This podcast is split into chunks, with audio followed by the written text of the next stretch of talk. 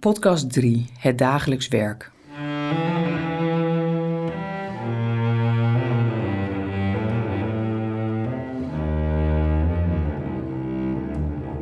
In deze derde aflevering van deze podcastserie over de Jezuïeten Robert Regoe en Rupert Meyer zoomen we verder in op hun dagelijkse werkzaamheden voor en tijdens de Tweede Wereldoorlog. Robert Regoe en Rupert Meyer mochten dan beide verzetstrijders worden tijdens de oorlog, er zijn heel wat verschillen op te merken wat betreft hun temperament en hun werk. De een brak als rechtsgeleerde zijn hoofd over vragen hoe wetten rechtvaardig kunnen zijn en kunnen worden afgedwongen. De ander was een verwoed preker die zich inzette voor hulpverlening aan mensen in nood. Wat dreef Robert Regoe in zijn werk als hoogleraar internationaal recht? In de openingstoespraak die hij hield toen hij hoogleraar werd, schemert iets daarvan door. Ideeën hebben hun tijd nodig om tot rijpheid te komen. Arbeid die vruchteloos lijkt, kan een kostbaar bezit zijn voor latere geslachten. En zelfs op de ruïnes van verwoeste beschavingen heeft telkens opnieuw een volgende generatie zich een veiliger woonplaats gebouwd. Ook voor wie de toekomst met zorg tegemoet ziet, blijft de plicht van deze dag duidelijk. Met inzet van al zijn krachten het recht en de waarheid te helpen vestigen in deze wereld. Wie kent niet het knagende gevoel dat zoveel goede inspanningen voor niets lijken te zijn? Regoe haalt verderop in zijn toespraak het voorbeeld van Augustinus aan. Deze kerkvader spande zich hard in om mensen te onderwijzen in het christelijke geloof, maar ten tijde van zijn dood zag hij oorlog, verwoesting en maatschappelijke ontwrichting komen. Eeuwen later werden zijn nagelaten geschriften een kostbaar erfgoed voor talloze mensen. Augustinus werd een onmisbare steunpilaar van de westerse beschaving. Hoe ga ik ermee om als er van mijn werk en relaties niet terechtkomt wat ik ervan verwacht of gehoopt had?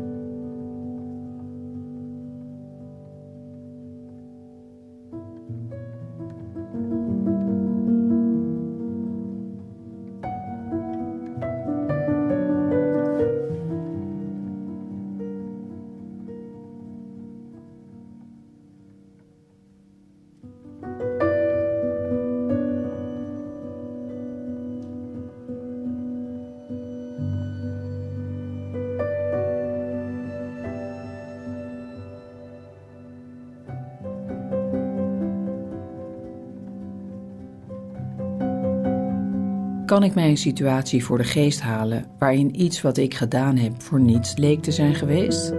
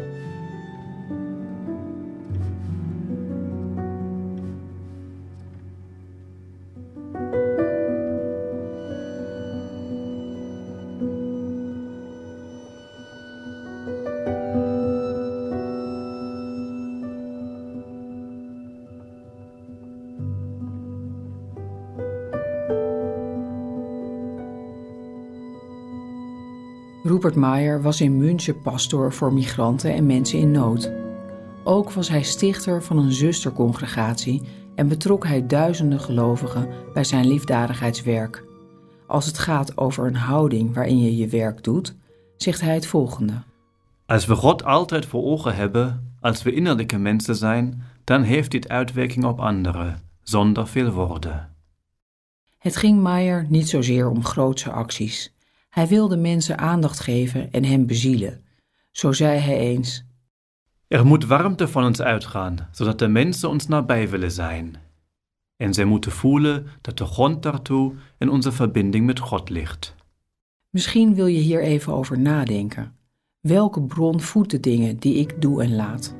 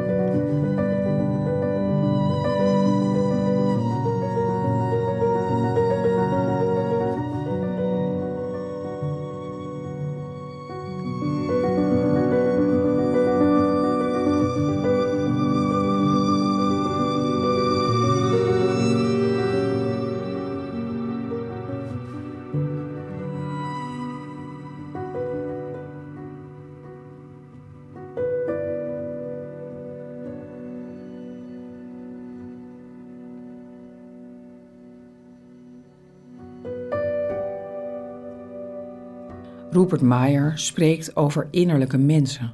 Ben ik een mens met een innerlijk leven? Verlang ik daarnaar?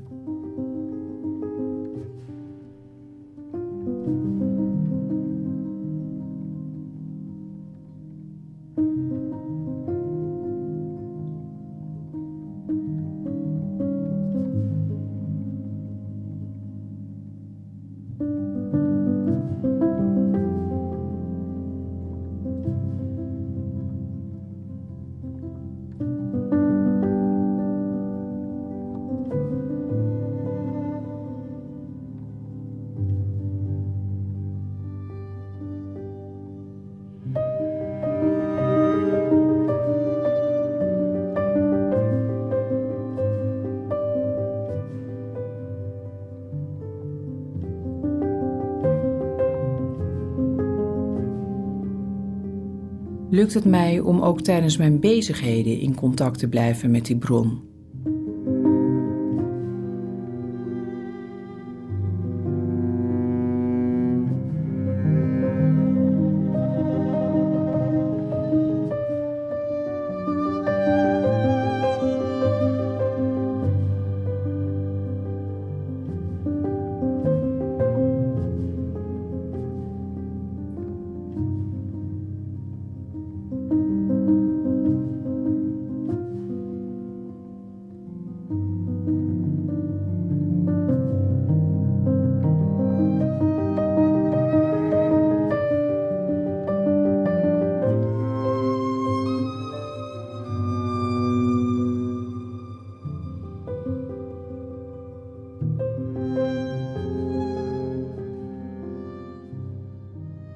Dagelijks kwamen er tientallen mensen naar Rupert Meyer toe die hem vroegen om steun.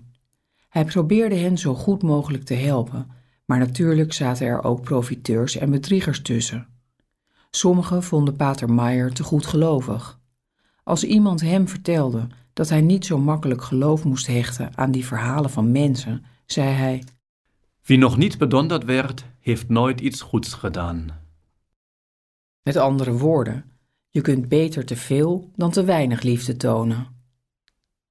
Een bedelbrief van een liefdadigheidsorganisatie. Een dakloze in de winkelstraat met een uitgestoken hand. Hoe ga ik om met hulpvragen van onbekenden?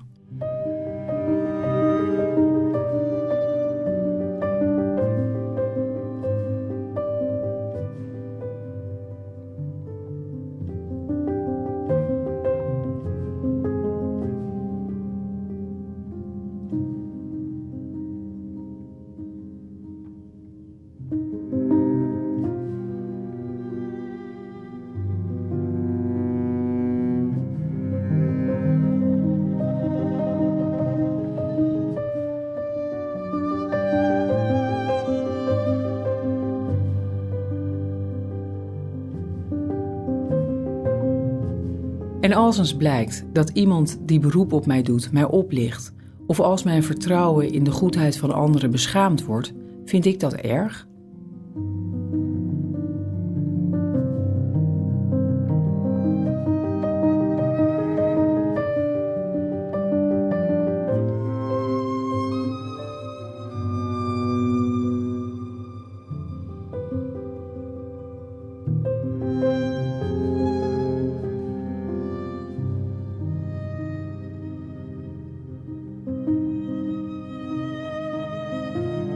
Laat deze uitspraak van Rupert Meyer even op je inwerken.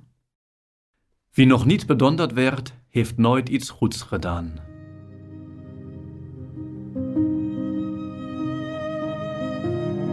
Bewonder je de houding waarmee Rupert Meyer werkte?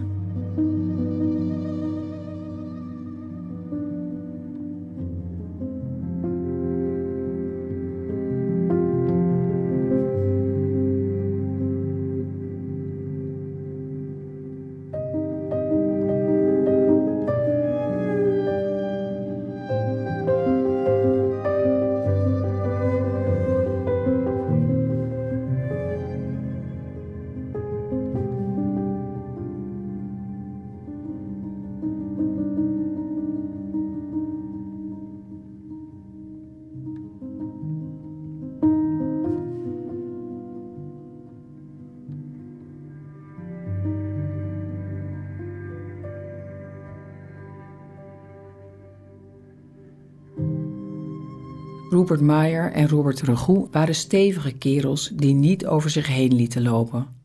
De heerschappij van de nazi's gooide hun levens echter volledig overhoop. Ze werden gedwongen om indringende keuzes te maken. Hoe ze dat deden, horen we in de volgende aflevering van deze podcastserie Jezuïeten en Verzet, 75 jaar bevrijding.